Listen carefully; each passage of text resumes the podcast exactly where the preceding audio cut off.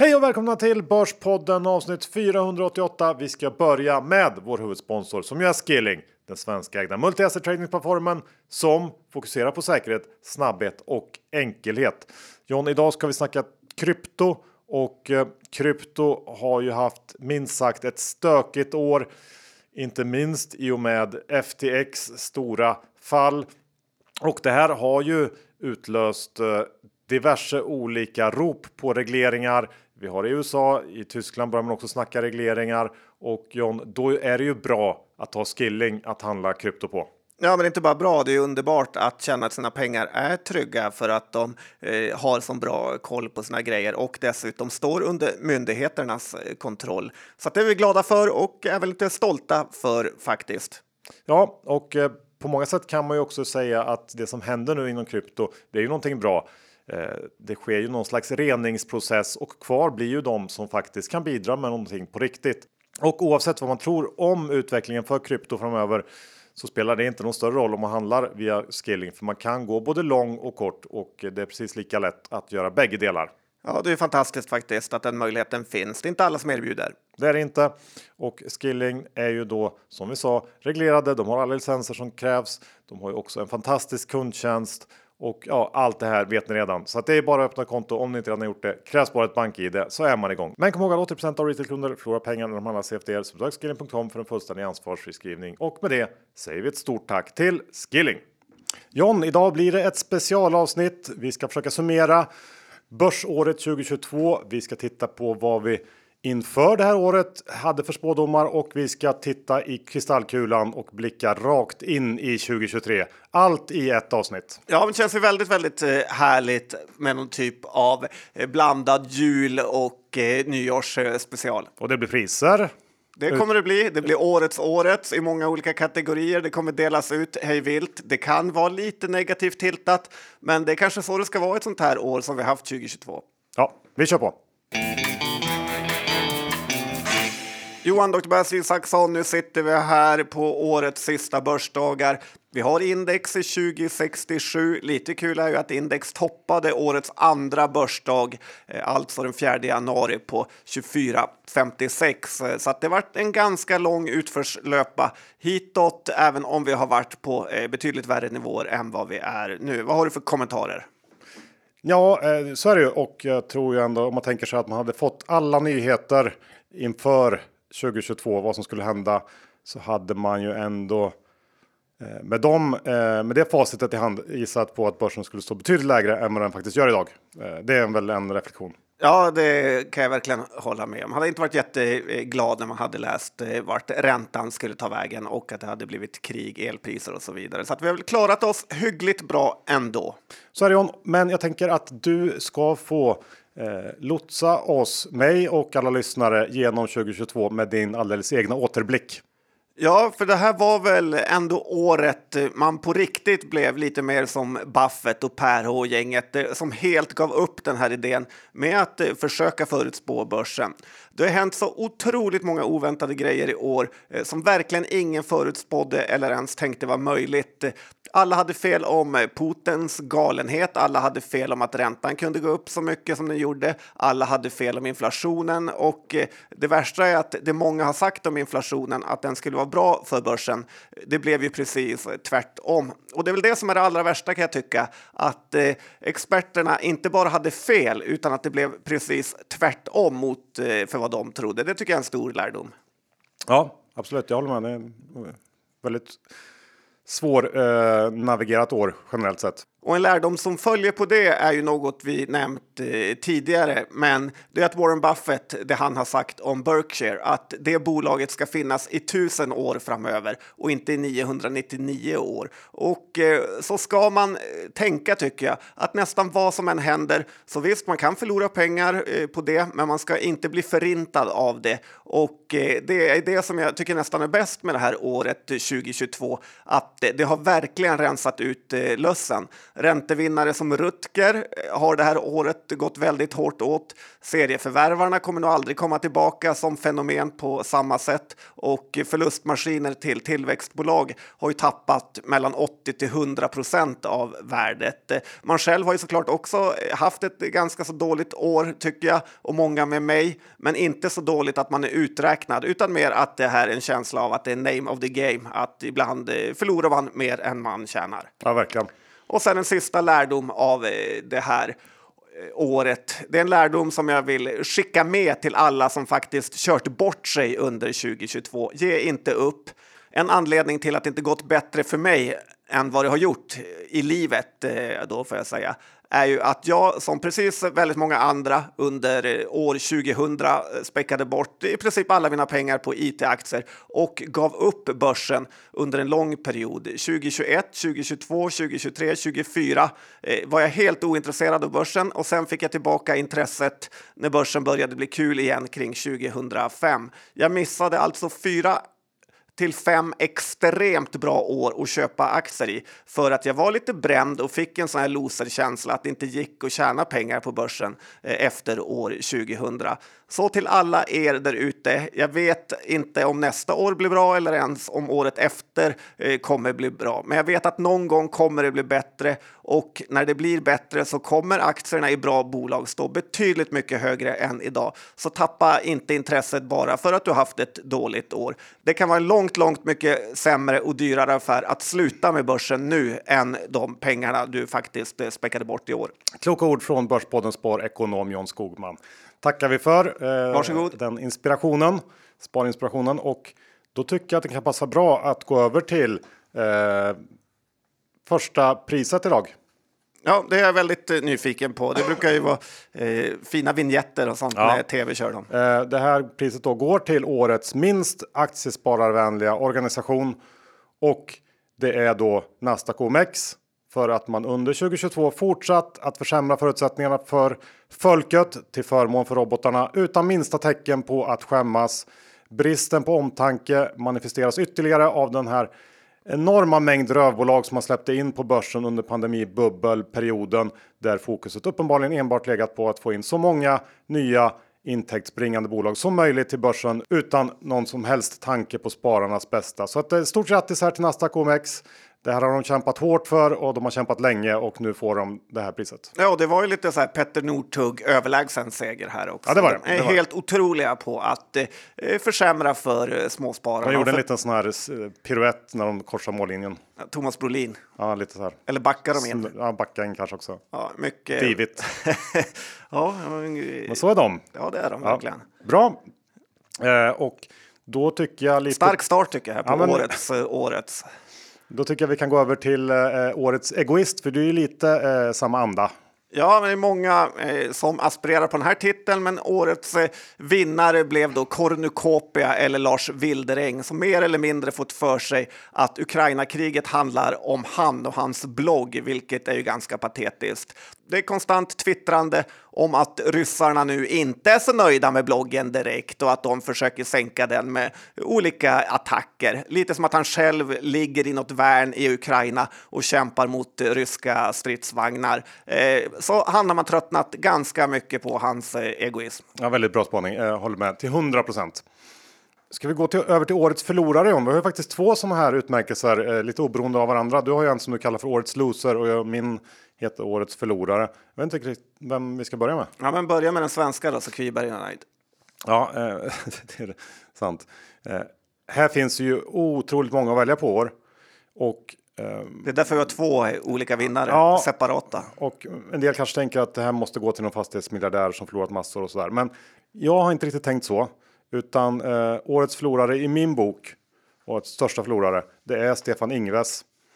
För alla fel han och hans kompisar på Riksbanken har gjort de senaste 10-15 åren lyckades ju på något sätt explodera i ansiktet på honom här under hans sista år som riksbankschef.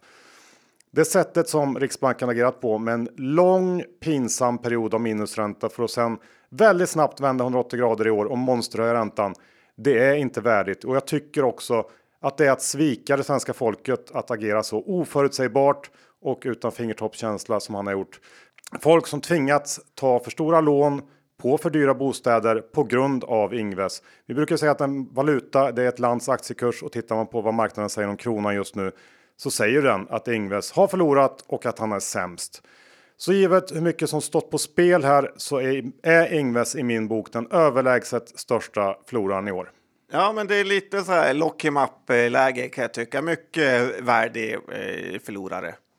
Vem har du då? Ja, men jag är väl lite inne på samma anda här faktiskt. Och jag tycker årets loser blir Sverige och svenska staten.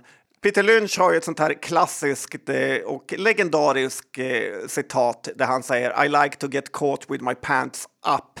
Alltså att han vill vara förberedd på allting och eh, inte bli eh, bortfintad. Här har ju Sverige gått precis eh, motsatt väg och blivit caught with the pants down, får vi verkligen säga. Sverige har inget försvar, vi har ingen el, vi har en korrupt polis, infiltrerat must, gängkrig i varenda stad, en svag valuta Eh, som Gardell då sa, här, du nämnde det, men Gardell var också ute och nämnde och sa att det var en skitvaluta.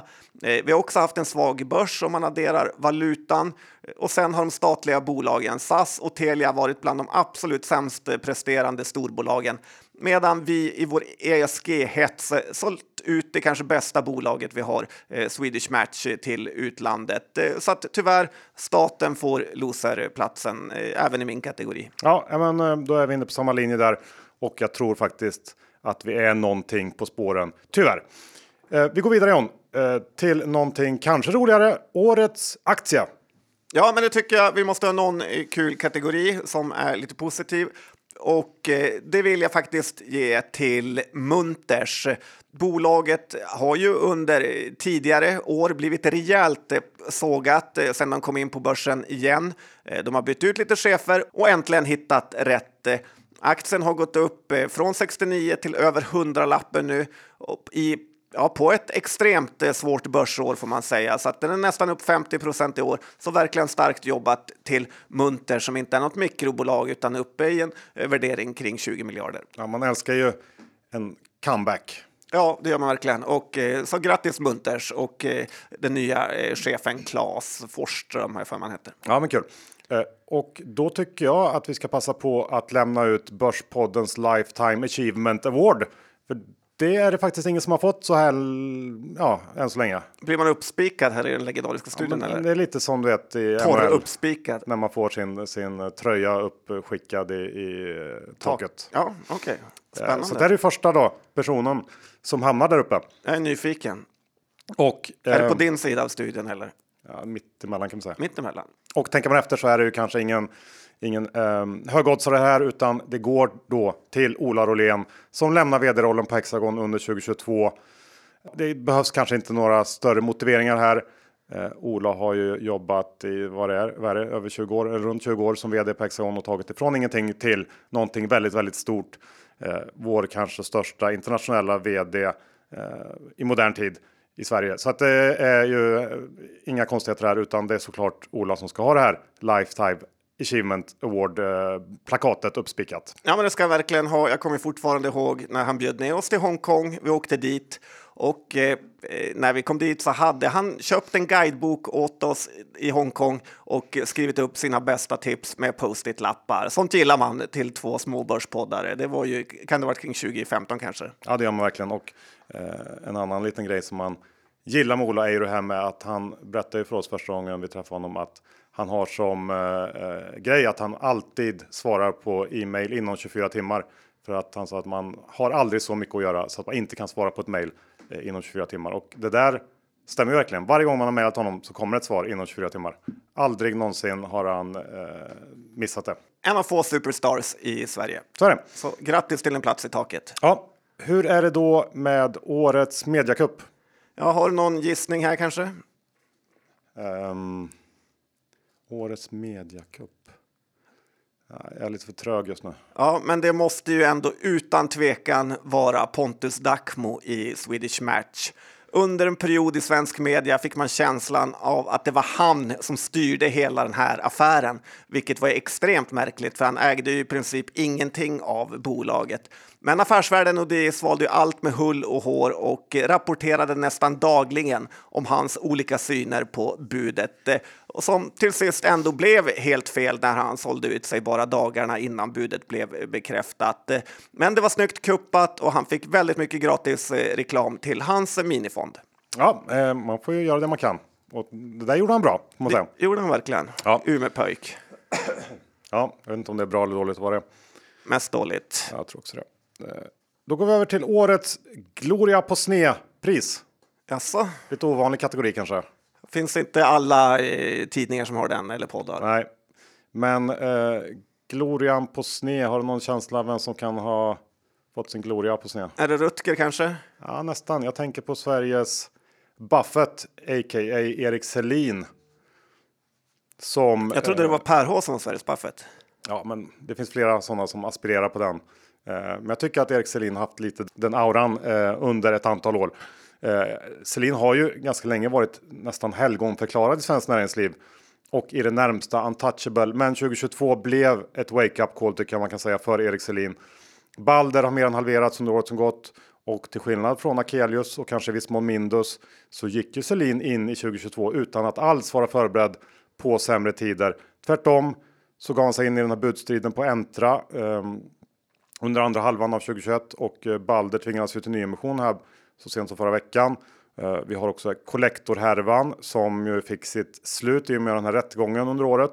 11 personer fälldes för insiderhandel där, varav fem med kopplingar till Balder och under senhösten så exploderade K-fastighetsgate med vdn Jakob Karlsson som verkar ha haft eller ha väldigt svårt med sanningen och K-fastigheter kan man väl säga att Selin mer eller mindre varit med och grundat tillsammans med Karlsson.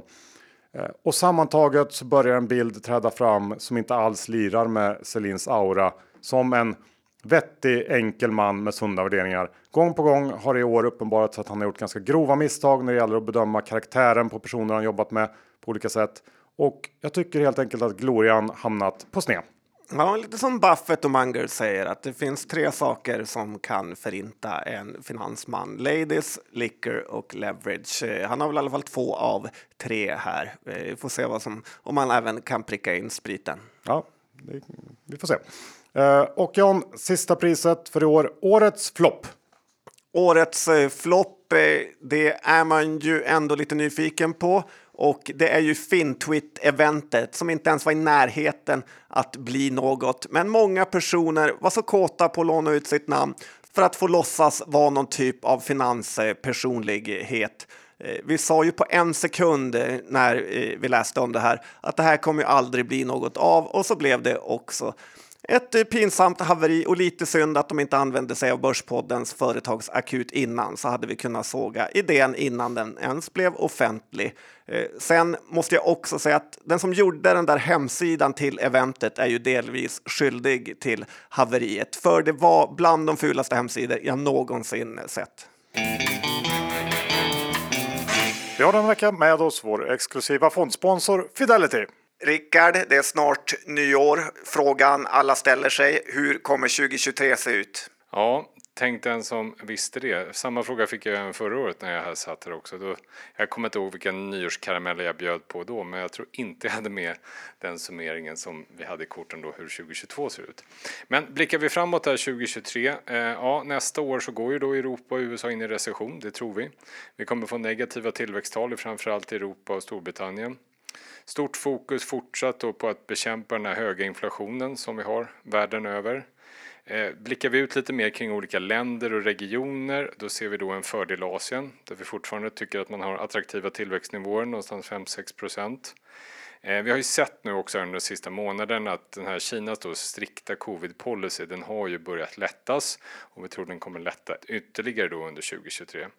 Men Tittar man på Asien måste man vara noga med vilka delar vi tycker mest ser intressant ut i de så kallade ASEAN-länderna och Indien. Tittar vi mer lite aktiespecifikt så föredrar vi valuebolag versus growth och det här är mycket då beroende på räntehöjningarna och jag pratar med det under de här eh, året som har varit. Alltså många bolag inom tillväxtbranscher, eh, framförallt på techsidan har vi sett är beroende av låga räntenivåer så det är fortfarande stort fokus på value, value tror vi under det här året. Sen ser vi också då från analytikerkåren då att bolagen rustar för ett tuffare 2023. Sen är det då en stor och delad bild av inflationen när den pikar och i vissa fall börjar folk nu diskutera, har den kanske inte redan pikat just nu i olika delar av världen? Så vi får se vad nästa år bjuder på och med det så vill jag från Fidelity passa på att önska alla lyssnare ett gott nytt år också. Så syns vi 2023. Vi ska också påminna om att investeringens värde kan minska och öka. Det kan hända att du inte får tillbaka det investerade kapitalet. Historisk avkastning är ingen tillförlitlig indikator för framtida resultat och åsikter uttryckta kan redan ha på och inte längre gälla. Vi säger stort tack till Fidelity International! Vi går över till årets, eller förra årets nyårsavsnitt John. Vad sa vi eh, för ett år sedan? Vad hade vi för framtidsspådomar? Jag gissar att vi inte var mycket bättre än eh, de experterna vi eh, just sågat. Nej, jag skulle säga att vi var eh, riktigt usla. Jag tycker ändå att eh, ganska ofta så brukar vi, vi vara ganska bra på det här. Många år helt okej, okay, men det här kan vara ett av de sämsta i Börspoddens historia tyvärr. Men vi måste ju ändå rätta. Så är det. Mm. Ta tjuren i hornen. Mm. Ja, vi kan väl börja med det jag sa. Eh, jag sa att eh, inflationen får aldrig något fäste, toppar ur under våren när alla flaskhalsar lös, löser sig. Eh, vi får ett par räntehöjningar, sen tar det stopp och eh, centralbankerna pumpar igång igen i slutet av året. Det blev ju inte riktigt så. Så blev det inte. Nej. Det lät lite som Ingves själv där i början. Ja, jag hade väl. Ja, jag vet inte. Jag har ingen. Indoktrinerad. Jag, ingen bra bortförklaring, utan det var bara helt fel. Eh, sen hade jag komponerat en egen eh, metaverse-portfölj med svensk touch. Den här var ändå härlig. Var XMR var med? Ja, XMR var minus eh, drygt 80 procent. Jag hade den här. Eh, Från Linköping ska sägas. Ja, svenska kryptovalutan. Chromia också ner dryga 80 procent. Och eh, sen hade vi IAR som ändå var plus 26 procent i år. Det är bra. Ja, så inte helt, eh, helt bortkastat, men ändå fruktansvärt kast. Tiltat mot nätsidan får man ändå säga. Ja, nej, det var, det var inget bra. Sen hade jag också att eh, Björn Borg kommer att smälla rejält. Eh, jag hade ju en teori där att Bunges eh, sån här management by training skola skulle falla och, och eh, ja, skapa uppror egentligen internt. Eh, aktien är ju ner 40 i år så att på ett sätt kan man säga att det blev rätt, men jag är osäker på om det var Bunges fel. Nej, får se nu vad Messis kalsonger kan göra för försäljningen. Ja, sen hade jag ju, eh, var jag positiv till Swedish Match.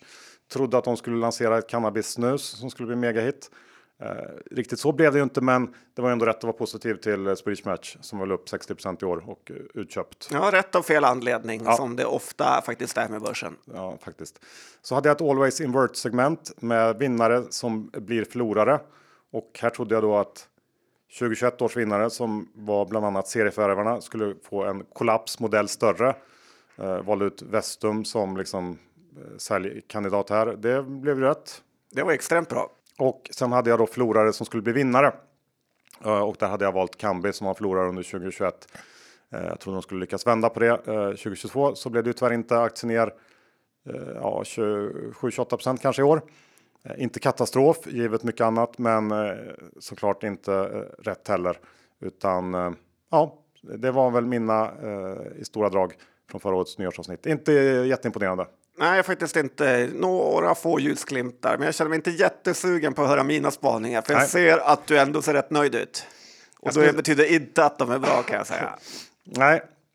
Uh, jag vet inte riktigt, du, hade, du var lite mer all over the place om man säger så. Um, du, du sa, jag vet inte riktigt om det här var... Här. Vi du, tonar ner det här väldigt mycket. Att, att, Förmodligen var det ingen spaning, nej. Sverige skulle låna 200-300 miljarder, eh, riva alla gettoområden och låta Ilja bygga nytt. Uh, ja. ja. det var kanske inte riktigt en, någonting du trodde på. Men något du hoppades på kanske. Ja, men lite hoppas jag på det fortfarande. Ja. Sen vet jag inte, det här med Ilja. Han har ju fått andra problem nu. Han kanske inte riktigt har tid att bygga eh, jättemånga nya miljonprogram. Det har han nog inte. Nej, men uh, sen så var det ju väldigt positivt i världens utveckling. Världen har klivit upp på en ny platå sa du. och att vi har en guldålder framför oss. Jag känner att det här var ju liksom 100% fel. Uh, det blev ju ganska direkt efter att du sa det här så blev det ju typ världskrig.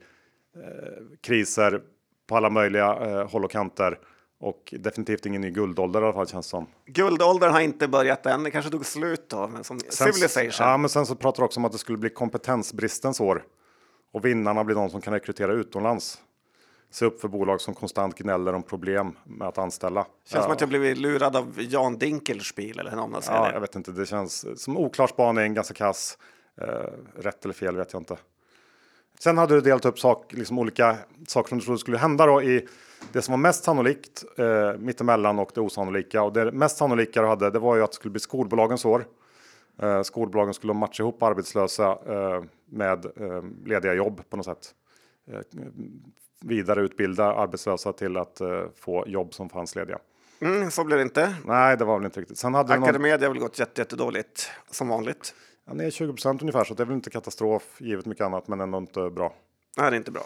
Sen hade du någon, någon slags flummig utläggning om att det skulle bli tjejernas år. eh, svårt att säga att du fick rätt i det. Jag vet inte riktigt om det blev fel heller, men varken eller. Jag gillar ändå mig själv i mina krispiga spaningar. Sen så sa du att det skulle bli att huspriserna skulle ta stora rekord 2022. eh, distansarbete var, var nu en permanent del av vardagen och eh, då vill folk ha större och fler köper hus. Så det var just huspriser också, inte lägenheter utan hus var du väldigt fokuserad på. Känns som att du kan varit ja, men lite influerad av att du själv hade köpt ett jättestort hus precis. Eh, men det var fel. Det var fel får vi säga. Sen hade du också att hälsan eh, blir viktigare. Testbolagen vinnare på det här. Eh, man har vant sig att testa och snabbt få reda på vad man har. Tycker också att det var ganska fel. Det har ju varit jättefel. Bolagen som vi kan komma att tänka på. på. Bull Ja. och vad heter det andra eh, som hade sitt kontor i Ukraina som också havererade eh, helt. Eh, ja, jag kommer inte ihåg. Just det. Mm, Men det finns ett till testbolag som har gått käpprätt med. Ja. ja, helt fel. Sen hade du någon slags mittemellan, eh, vad du, mittemellan sannolikt. Eh, att covid försvinner och resandet tar nya toppnivåer. Och det skulle leda till att Stordalen blir Europas rikaste man. eh, ja, covid. Jag vet inte, har det försvunnit? Nah. Just nu är det väl eh, peak igen. Resandet tar nya toppnivåer är väl hyfsat rätt på i och för sig. Men det var en, en kass spaning det också. Så Här hade, du Det också känns som att du fäller lättare än friar när det gäller mig. här hade du också att elpriserna skulle krascha. är ju 100% fel. Sen har vi dina osannolika spaningar. Och där var Då, får jag det... bara säga, de som skriver på Twitter att jag är en kontraindikator, eh, kanske jag ska börja stötta lite mer. De har något ändå. Ja, då har de något. Där hade du att rörpost skulle bli nya bredbandet. att man ska få paket eh, skickat liksom direkt in i sitt hus eller lägenhet. Och det skulle lösa alla leveransproblem. Det känns som att jag vill för mycket. Ja, um, tycker fortfarande att det är en bra idé, men eh, krävs ju en hel del investeringar i infrastruktur känner jag för att med alla de här ledningarna som ska byggas då. Som ska få plats med paket som susar runt. Ja, lite så. Ja. Och eh, där hade du också att Linné och Mittuniversitetet får sina universitetstitlar borttagna. det tror jag inte har hänt, även om man eh, kanske hade kunnat hoppats. Men där är vi inte heller än. Det är långsiktigt ett mål för mig. Sen hade du några sådana här uppköp. Att Nimbus köps upp av Thule eller Dometic. Eh, det var fel. Det var fel. Du, skrev, du trodde också att något vårdbolag skulle köpas upp av någon som tidigare satt dem på börsen. Fel, Ja, GHP blev väl Ja, ändå uppköpta. men inte av någon som satt dem på börsen. Nej, men 20 procent rabatt kanske. Eller eh, rätt. Ja, 20 på den.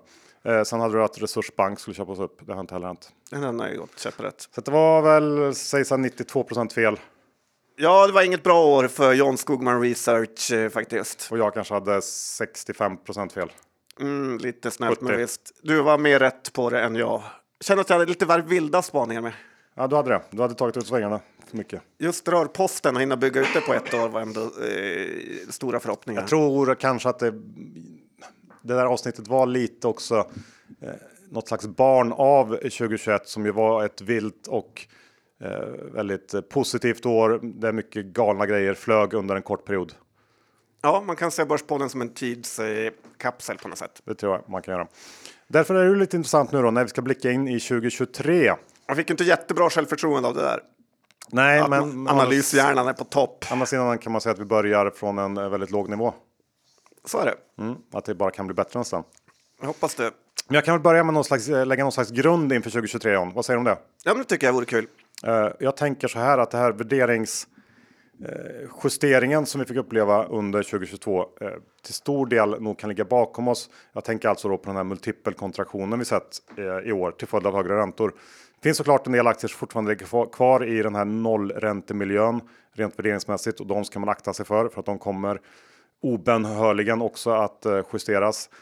Men det som framförallt kommer att pressa börsen eh, neråt under 2023 är ju då kraften i den här riktigt djupa lågkonjunkturen som vi har framför oss. Och det är inte alls inprisat idag. I sig kan jag tycka att en lågkonjunktur på många sätt är lättare att um, hantera än det vi har gått igenom 2022. För det är ju en naturlig del av den ekonomiska cykeln. Vinster eh, som går ner, de kommer ju eh, att komma upp igen eh, tids nog. Så att på ett sätt så, så tycker jag att det är, är, bra ändå. Och det innebär också att värde och att räkna på bolag och inte betala för mycket för en aktie. Det kommer att fungera igen. Eh, det hoppas jag i alla fall. Och det var ganska länge sedan det var så. Eh, och om det stämmer så är det någonting vi ska vara glada för. Jag tror också att vi i snitt ska räkna med lägre avkastning från börsen de kommande tio åren än vad vi har fått historiskt sett. Eh, den här flera decennier långa trenden med sjunkande räntor verkar ju vara bruten nu och det är lätt att underskatta den medvind som det inneburit för aktiespararna under en lång, lång period. Och jag tror fortfarande att 2023 har potential att bli ett sämre börsår än årets eh, utveckling. Men till skillnad från 2022 så kan man ju faktiskt gömma sig i räntemarknaden nu och få en handfull procent i avkastning medan man väntar på möjligheter. Eh, och möjligheter, det tror jag också helt säkert kommer att komma under året. Så att jag är ändå lite semipositiv inför året som kommer, eh, trots att jag då tror att det kommer att bli ett ganska dåligt börsår. Ja, spännande. Jag vill håller med på vissa grejer. Lite kan vi också kanske oroa sig för att skatterna kan bli högre eh, och det också kommer slå mot bolagets eh, vinster. Det finns många saker som har spelat med börsen under en lång eh, period. Men du är, mer, du är mer positiv? Eller? Ja, men jag är ändå mer positiv än vad du är. Kanske inte så svårt. Men för 2023 tycker jag att man kan vara positiv främst för en anledning och att det är precis nu är det ingen i hela världen som kan eller vill prioritera aktieköp utan man säljer eller bygger buffert för sämre tider och det är precis då man ska köpa. När ingen annan har råd att köpa aktier för de inte har pengar så bör det vara minst ett okej okay tillfälle att börja köpa på sig aktier. Visst, det kan bli sämre, men köp mer då. Eh, det är i alla fall inte läge att sälja eh, tycker jag. Eh, och sen tror jag att vi kommer få se, det här är väl mer bred spaning, men att vi kommer få se fler bolag som Costco Eh, där man blir medlem och eh, man får betala för det och verkligen vill köpa och använda företagets produkter eftersom konsumentens makt nu har blivit för stark inom många sektorer att eh, det är nästan omöjligt att driva företag. Hur det är öppet köp på många kedjor typ XXL i 365 dagar som blir groteskt utnyttjade för det. Att folk använder saken ett tag och sen lämnar tillbaka dem och så tar en 17-åring emot dem i reklamationskassan ja, som inte kunde bry sig mindre och så får kedjan kasserare. Nelly och liknande bolag har ju berättat om hur många ungdomar använder deras nättjänst som ett provrum och beställer 20 klänningar och sen skickar tillbaka alla, gärna efter att ha festat i kläderna i en helg. Och i grunden kan jag tycka att eh, man inte vill vara med och betala för det här eh, som man slutligen får göra som en normal eller bra kund som i princip aldrig lämnar tillbaka något och att eh, i alla fall jag skulle lätt kunna acceptera sämre villkor för att få handla billigare. Eh, ett vanligt trick är ju bland jobbiga och rutinerade nätshoppar att varje gång man köper något eh, ringer man in och klagar på att det är kantstött eller liknande eh, mindre skada så att eh, då får du lätt eh, ganska ofta 20 till 50 procent i rabatt direkt eftersom företaget absolut inte vill ha en jobbig returhantering. Eh, så att det är en ganska bred men ändå bra spaning tycker jag. Ja, absolut. Och eh, sen en annan spaning jag har som väl ändå fortsätter lite på förra årets är ju att den här elprishetsen är totalt överdriven. För det är ju faktiskt sådana som du och jag som kommer drabbas hårdast av det här. Och även om räkningen några månader eh, kommer vara på 20 eh, tusen kronor styck för elen så blir det lite som min morsa säger, det drabbar ingen fattig. Visst, det är trist, men många villaägare kommer bara att betala och gå vidare. Det behövs inga elprisakuter, avbetalningsplaner, statliga garantier och så vidare. Exakt som i börsen är det alldeles för mycket fokus på bruset. Försök istället lösa de långsiktiga problemen än att hamna i den här coronapandemistödfällan. Att ge storföretagen eh, och privatpersoner massa pengar som de i grund och botten inte behöver. Ja, men det kan jag hålla med om. Och sen en sista eh, spaning här eh, som är mot streamingtjänsterna är att de här prishöjningarna vi ser hela tiden kommer att få tas tillbaka. Eh, kanske inte bara av eh, streamingbolagen utan av många andra bolag. För det kommer komma andra lösningar istället. Eh, tittar vi på streamingtjänsterna, typ Viaplay och More, Netflix, Disney och så vidare, eh, som håller på att höja sina priser, så ser jag redan nu hur många av mina kompisar gått över till eh, något som de kallar för IPTV, som är en slags tjänst där man får alla kanaler, alla streamingtjänster och all sport för 1200 kronor per år. Visst att det är lite olagligt, men... det är men, liksom nya tidens sån här piratkort. Ja, men det känns inte så olagligt när man bara knappar in en länk i tvn. Ja, det är lite som att ladda ner musik och ingen tycker synd om Netflix eller Simor. Eh, så att jag tror faktiskt att de här tjänsterna är väldigt nära att börja slå ut sig själva med att de tror att de kan höja priserna hur mycket de vill. Eh, och, eh, för det kan de inte. Och sen kommer det alltid stå några trötta förvaltare i det i tv och säga att de har pricing power. Men det finns absolut en gräns för vad de kan höja innan andra alternativ eh, börjar, eh, konsumenterna tittar på det. Det håller jag verkligen med om och vi har väl sett eh, dels Netflix haft problem med det här under året och tappat abonnenter, vilket ju är första gången någonsin. Uh, och det är väl liksom baksidan av de här modellerna. Det är så extremt enkelt att signa upp sig, men det är också väldigt enkelt att uh, ta bort de här tjänsterna när man nu vill det, för det finns ju ingen bindningstid utan det är bara från en månad till en annan så kan man säga upp det. Och uh, ja, jag tror att folk kommer att utnyttja det mer och mer i takt med att det blir lite tuffare klimat där ute. Eh, ja. privatekonomiskt. Och generellt tycker jag att företagen borde bli bättre på effektivisera än att bara prata prishöjningar. För det kommer inte vara så lätt att höja priserna bara, utan det kommer vara de företag som kan effektivisera eh, bäst som kommer bli vinnarna. Och det är ju också bra för eh, utvecklingen. Bra, eh, jag kan bara runda av den här övergripande spaningsdelen med att säga att det som kanske egentligen talar mest för börsen, i alla fall i min bok 2023, eh, det är väl att det är så uppenbart att det kommer att bli sämre tider. Ehm, alla ser ju det och räknar med det på något sätt. Ja, så är det. Så att det talar ju nästan för börsen. Ja, och vi ungefär som vi sa om det var förra veckan att eh, vi har ändå kommit en bit in i det här smärtloppet eh, som vi har startat. Eh, vi är i december. Det kommer komma en vår. Vi kommer kunna titta framåt. Ja, men ändå oväntat att du är så positiv. Men det är inte. Jag tror fortfarande att det blir ett sämre år. Men jag säger bara om jag ska liksom vara kritisk mot mig själv så är det väl eh, där jag ser liksom, största bristen i, i min utläggning att eh, alla ser ju precis samma sak som jag ser. Ja, men lite Börspoddens styrka, alltid hårdast mot sig själva. Eh, och eh, du sa något det här med elpriserna du var inne på där. Eh, tycker jag var lite intressant. Och... Såg du att idag drog man igång det här finska kärnkraftverket? Ilkovulko 3 lite av en glädjens dag. Ja, lite så. Ja. Eh, nej, men jag, jag funderar på det här och jag tror att även om de här vansinniga satsningarnas tid är bakom oss, eh, alltså de här liksom VC-backade bolagen och projekten eh, som bara sprutar ut pengar. Eh, det är ju någonting som, som ligger bakom oss så att säga. Så tror jag ändå att den här energikrisen eh, som vi är uppe i nu kommer leda till att mängder av kapital kommer att satsas på nya lösningar men jag tror också att marknaden inser att mycket av det man har satsat på historiskt sett inom ekonomi, det har varit ganska värdelöst. Och det gör mig lite hoppfull. Vad menar du nu? Nej, men alltså, jag tror inte på projekt alla undervattensdrakar från Minesto eller rörbolag som Aselio, utan att det kommer att satsas på forskning eh, inom kanske kärnkraft och, och förhoppningsvis då fusionskraft. Där det ju verkar ha gjorts en del framsteg i år. Knäcker vi fusionskraften Alltså det här med att slå ihop atomer istället för att klyva dem. Två Uppsala ekonomer spekulerar i en källare. Nej, men då har vi ju eh, potentiellt sett obegränsat med energi.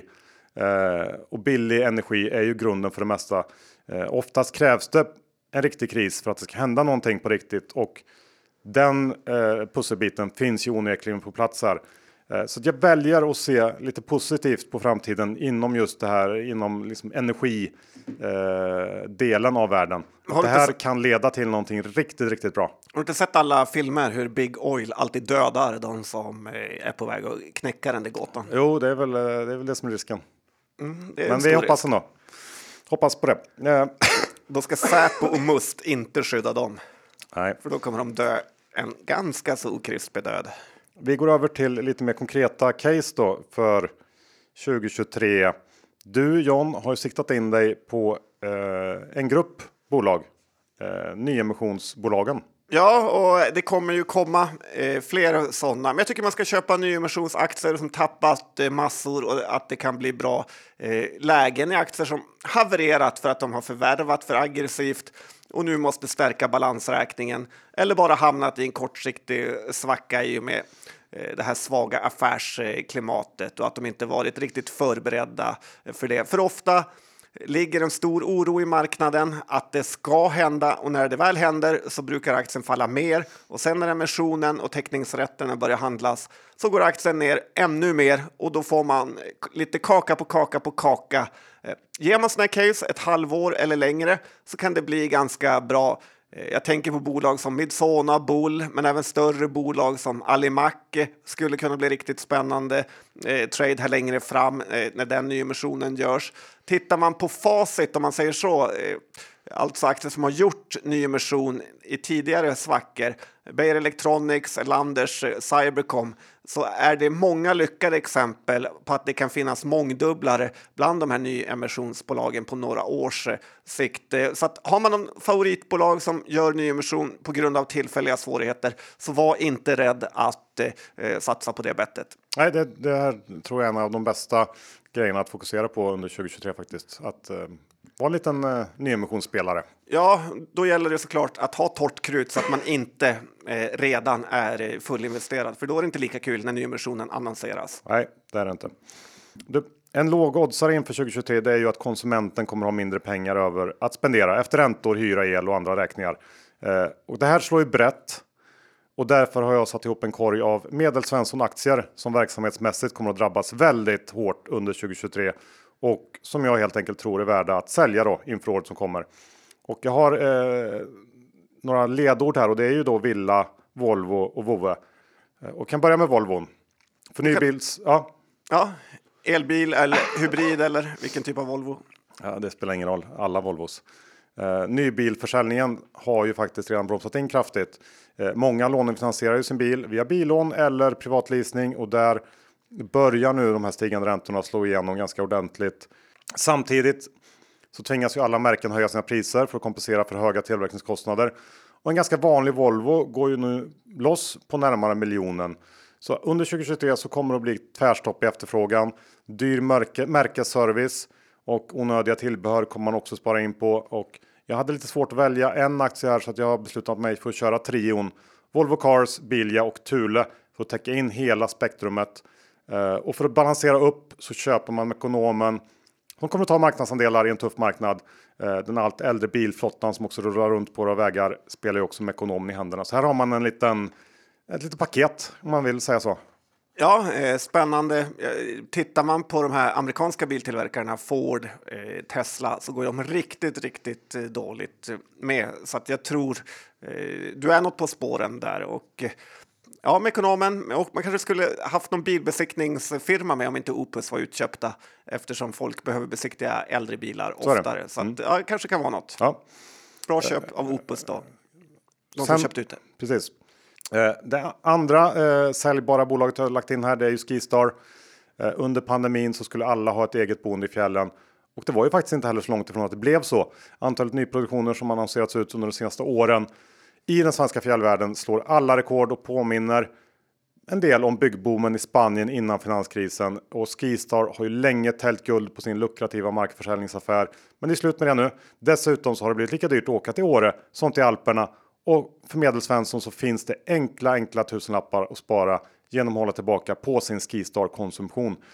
Och Skistar har ju också någon slags strukturell motvind i och med en skidsäsong som krymper någon dag för varje år som går. Känns inte så nu riktigt. Ja, så är det och måste brottas med stora kostnadsökningar samtidigt som då eh, snittkunden är mindre mottaglig för prishöjningar än på väldigt länge. Så här tycker jag är ett, ett sälj. Eh, den här traden är lite svår att ta andra sidan av för pengarna som sparas går ju direkt till liksom räntor och räkningar och så där. Så det blir ett sälj utan motköp här av Skistar. I grund och botten så tycker jag man ska köpa Skistar på alla dippar. Det är ju ett eh, fantastiskt, i princip monopolföretag som har hela fjällen. Eh, man hatar dem också på många sätt, till exempel att om du är i Alperna så är det någon krispig farbror från Bergsbyn som kör liften. De är värdiga på ett helt annat sätt än Skirstars 18-åriga, alla bakfulla konstant. Eh, som, plus att du får köpa en äcklig hamburgare gjord av eh, eh några gymnasieelever. Nej, ja, man hatar dem också, men jag tror de har ett ganska bra case långsiktigt ändå. Det är mycket möjligt. Nu pratar vi 2023. Mm. Bäsens år. Ja, men de har tappat mycket mer. De var uppe i nästan 180 på toppen, nu är 110. Ja, eh... Lätt att titta, fäst, ankra sig vid höga nivåer. Ja, men under ja, 100 jag köper jag Skistar. Okej, okay, jag säljer ner till 50. Sist ut då eh, att få smaka på säljstämpeln, det är ju Voven. Och här så eh, slänger jag upp kombon eh, Vimian och Sweden Care på bordet. Många tror kanske att årets haveri i de här aktierna gör dem köpvärda, men inget kunde vara längre från sanningen. Utförslöpan tror jag faktiskt knappt bara börjat för den här pandemihunden som såg så söt ut på bilden man fick från kenneln och verka eh, i tanken som en, ja, kanske inte bra, men i alla fall hanterbar idé. Det visade sig vara helt fel. Många var trötta på sina husdjur redan innan allt blev dyrt, men att tvingas betala en veterinärräkning på 69 000 samtidigt som elräkningen för januari dimper ner gör att bägaren rinner över. det kanske inte är nödvändigt att köpa specialanpassad lyxkost till sin hund eller betala för vård som är långt mycket bättre än vad vi människor får ta del av i landstingens mardrömslika vårdapparat. Den insikten kommer få husdjursaktierna att nå nya bottennivåer under 2023. Eh, jag köper eh, då norska lågpriskedjan Europris istället. Det är ett bolag som kommer tjäna mycket på den här prismedveten som lågkonjunkturens 2023 för med sig. Och de har ju faktiskt också stora bulkförpackningar av riktigt billig hundmat. Så att eh, sälj eh, Vimian Sweden Care, köp Europris emot. Kanske Costco också. Ja, Costco, om, precis. Men eh, mycket bra spaning. Folk kan ju inte ens uppfostra sina barn nu för tiden och sen tar de på sig en hund eh, som går amok eller löper amok hemma. Den här idén du hade om hundkyrkogårdar eh, kanske inte är så dålig. Nej, kan man kunna starta. Mm. En sån service. Men de kommer inte vara besökta så ofta för ingen vill komma ihåg sin lilla hund. Så kan det vara. Peter Benson köpte ju eh, hund sist av alla i hela eh, Sverige. Ja, stackaren. Du, vi går vidare med dina eh, 2023 spaningar. Du har ju ett par kvar och eh, eh du är inne lite på räntespåret. Ja, men tror man att den här inflationen kommer dämpas eller i alla fall inte fortsätta skena så tycker jag att eh, man kan ta och kika lite på preffarna och D-aktierna, Sagax D, NP3 Pref. Eh, räntan är ganska bra på de här aktierna. Man får mellan 7 och 10 procent. Jag tycker inte att det borde vara en dålig affär. Eh, man är också inflationsskyddad så länge inte eh, inflationen spårar ur helt. Så att, ja, jag gillar återigen eh, preffar och eh, D-aktier som eh, ett eh, stabilt innehav i portföljen. Ja, det behöver inte vara fel. Och John, sist ut. Lite sjukvårdsaktier har jag faktiskt ja. Som jag återigen vill slå ett slag för. För de har gått väldigt, väldigt dåligt i år, många av de här aktierna. Elekta, Research, Serad, Arjo, Getinge Eh, det finns ju egentligen ingenting som tyder på att den här sektorn har gjort sitt eh, långsiktigt, eh, förutom en del kortsiktiga problem. Då. Tittar vi på läkemedelsbolagen så har ju de haft ett fantastiskt 2022 och i många fall tycker jag man kan köpa rena kvalitetsbolag till ganska låga multiplar nu och tittar man lite längre fram så tror jag inte man gör bort sig genom att köpa den typen av bolag. jag hade faktiskt också kunnat ha just den här typen av eh, bolag som en, en vinnargrupp inför 2023. Jag tror också på det. Eh, det är bolag som inte påverkas av den generella konjunkturen eh, utan lever i sitt, liksom, sin egen lilla värld. Haft det tufft under pandemin. Nu borde det liksom gå mot bättre tider för dem. Så att ja, jag skriver under på den idén. Tack Johan. Då var det slut på avsnitt 488. Vi säger stort tack till vår huvudsponsor Skilling. Kom ihåg, de har villkor som är branschledande. Tajta, tajta spreadar och det är det man är ute efter som trader. Ja, och det kommer vara ett intressant år att trada framöver. Jag tycker man ska vara redo under de här långhelgerna vi har framför oss också. Då Skilling har bättre öppettider än alla andra. Så är det, men kom ihåg att 80 av kunder förlorar pengar när de handlar CFD så besök skilling.com för en fullständig ansvarsfri skrivning. Och John, hur var det med innehav idag? Ja, men det var väl en del som vi ändå hann eh, passera. Kambi nämnde du lite. Jag har lite Arjo, jag har lite Mekonomen, jag har lite Research, jag har lite Serad. Eh, ja, så att jag hoppas att jag har mer rätt det här året än förra året. Cambio Research har jag också där. Bra och... Uh, Midsona sa jag också. Den... Ja, det har jag också. Mm. Bra, då avslutar vi där och säger tack för att ni lyssnade i år. Vi hoppas att ni hänger med oss även under 2023. Vi ska göra vårt bästa för att leverera. Vi är svåra att trötta ut. Det är vi. Nästan Konstigt nog. Möjliga. det är bra. Vi hörs. Ha det fint. Hej då! Gott nytt